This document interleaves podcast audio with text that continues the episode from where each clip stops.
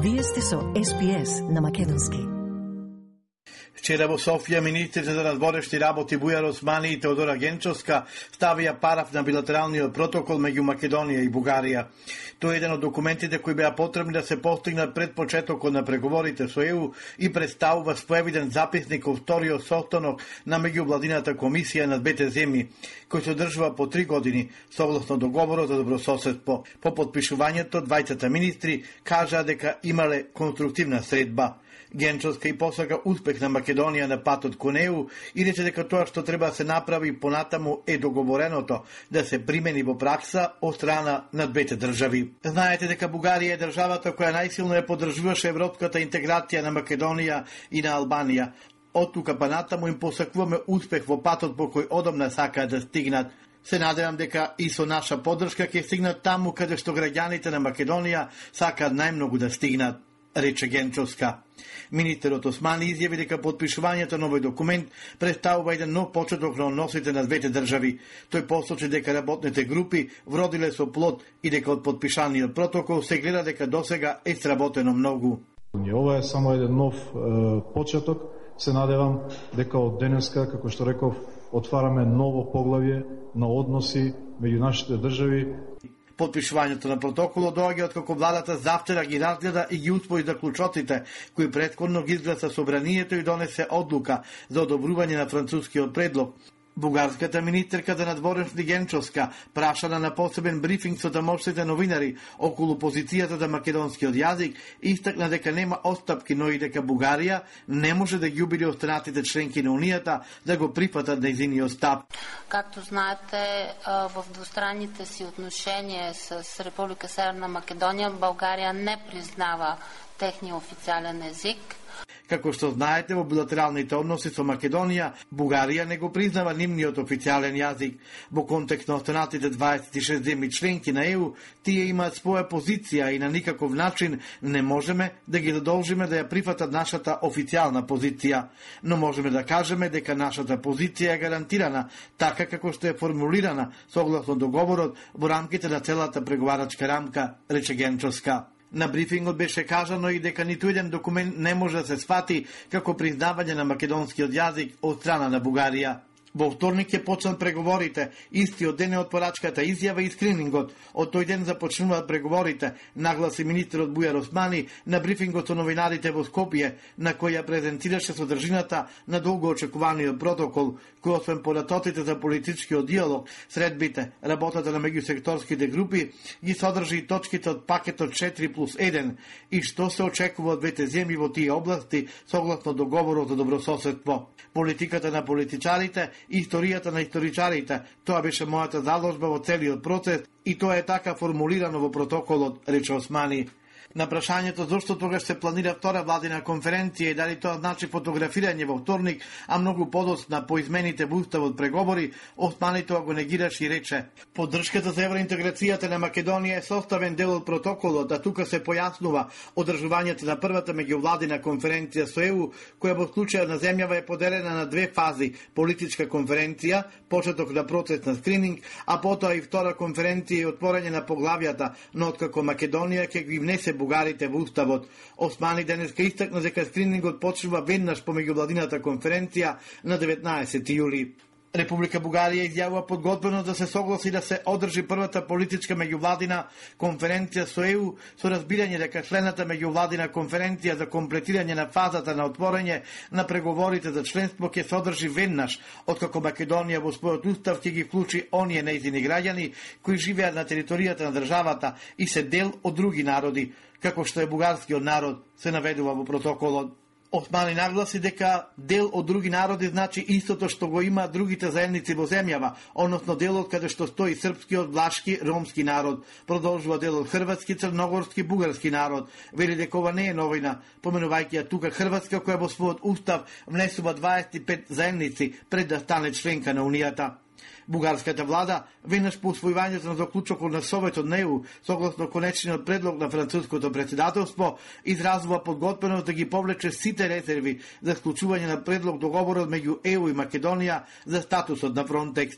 Османи на брифингот потврди дека договорот со Фронтекс ќе биде подпишан на македонски јазик. Фактот што Република Бугарија ќе подржи рамка каде што јазикот е дефиниран како македонски јазик, што ќе дозволи подпишување на Фронтекс со македонски јазик, додека за билатерални односи ние го имаме затворено прашањето за јазикот со Република Бугарија. Болнав на тоа каде е реципроцитетот за правата на македонското малцинство во Бугарија, Османи одговори дека уставното уредување на Бугарија не признава етнички заедници, како што не признава ниту уставите на Франција и Грција.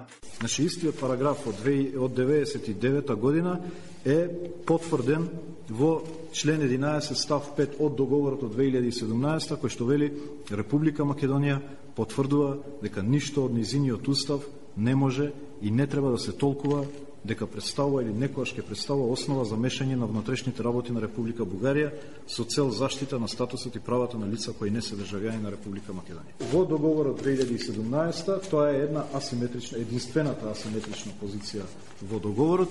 Јас предпоставувам дека тоа е направено тогаш заради тоа што има различни уставни уредувања помеѓу двете. Пад на маските се потврдија лагите. Ни 24 часа не издржа лагата на владата на СДСМ и ДУИ дека билатералните спорови со Бугарија нема да се услов за напредок кон ЕУ. Ни 24 часа не издржа се подпиша протоколот со кој што Македонија нема да преговара со ЕУ за својот напредок, туку ќе преговара со Бугарија за својата историја, рече Александар Николовски од ВМРО ДПМН на прес. Денес во Софија е подпишан протокол кој ќе биде дел од преговарачката рамка на Македонија со Европската Унија. Со протоколот на кој што стои подписот на Македонското Министерство за надворешни работи, промената на историјата и промената на учебниците по бугарски терк стануваат услов за напредок на Македонија кон Европската Унија. На следната седница на извршниот комитет на ВМРО ДПМН ќе предложам да иницираме референдум за граѓаните да се изјаснат дали ги прифаќаат или не овие документи подпишани меѓу Македонија и Бугарија, најави лидерот на ВМРО ДПМН Христијан Мицковски. Народот е суверен, тие се тие што ќе кажат, ништо не е завршено за Македонија и македонскиот идентитет. Преговорачката рамка не е усвоена. Ако народот така одлучи, ќе речеме во Брисел, дајте ни друга преговарачка рамка, рече Митковски насител. Тој гарантира оти сите пратеници на ВМРО да ДПМН кои подпишале нотарски изјави нема да поддржат уставни измени во како што рече вакви услови и ваква ситуација. Македонската иднина е обезбедена и таа европска, рече Богдан Какузецка, портпарол на СДСМ. Ова е успех на граѓаните, успех на државата. Со засилено темпо продолжуваме во приклучувањето на големото европско семејство, каде за многу скоро и официјално ќе се чуе нашиот македонски јазик. Што се случуваше во саботата? Со 68 гласа за, собранието ги изгласа предлог за клучотите за францускиот предлог, по расправата за информацијата за содржината на предлог преговорачката рамка за пристапните преговори со ЕУ, предложена од страна на француското председателство со Советот на ЕУ. Никој не гласаше против да заклучотите, но пратениците од ВМРО ДПМН и на Левица, кои бара отфрлање на предлогот, ја напуштија салата пред да почне гласањето. Подотно пратениците на ВМРО ДПМН подпишаа изјави дека нема да гласаат измени на Уставот. Со заклучотите се бара безусловно почитување на јазичните, идентитетските, културните и историските особености на македонскиот народ. Владата се задолжува во преговарачката рамка да биде наведен македонскиот јазик без какви било додавки и фусноти, а во текот на преговорите владата да не прифати да разговара за поинакво решение за македонскиот јазик од тоа наведено во преговарачката рамка. Обврската на претениците на ВМРО ДПМН е да подпишат нотарски изјави дека нема да гласаат за уставните измени со цел во него да не се вклучат бугарското, црногорското, хрватското и египетското малцинство, се да смета за заложниство. Поред социјалдемократите, лидерот на опозицијата Христијан Митковски не е сигурен во својата претеничка група, затоа ги обврзува со нотарски акти. Но ВМРО ДПМН ги отфрли обвинувањата. Поред нив изјавите на претениците не се во спротивно со уставот и имаат правна основа. Александар Николовски вели дека не се против хрватите, црногорците и египтяните, туку само против бугарите кои според него го споруваат македонскиот јазик и идентитет. Стигна и првите реакции по случувањата во Македонија. Председателката на Европската комисија Урсула фон дер Лајен ја поздрави одлуката на македонскиот парламент по изгласувањето на предлог за клучотите за францускиот предлог. Ги препознаваме тешките компромиси предвидени во овој компромис, кој го признава и почитува културниот идентитет на Македонија и македонскиот јазик, соопшти Стейт департментот. Сад ја поздравуваат одлуката на Собранието на Македонија да ги преземе следните чекори за пристапниот пат кон ЕУ, пишува државниот секретар на САД Ентони Блинкен во писмена изјава. И Шарл Мишел и Оливер Вархеи го поздравија гласањето и порачува дека со тоа се затвртува европскиот пат на земјава. Ова е суштински чекор на земјата и за ЕУ. Нашата имнина е земничка и ве чекаме со отворени раце, напиша на Твитер председател на Европскиот совет Мишел. Македонското собрание направи решителен избор за Европа. Франција ќе застане покрај Македонија за време на првата меѓувладина конференција, напиша францускиот председател Емануел Макрон на Твитер. И германскиот канцелар Олаф Шолц го поздрави гласањето во собранието за заклучотите за францускиот предлог. СПС на Македонски. Споделете ги нашите прилози на Facebook,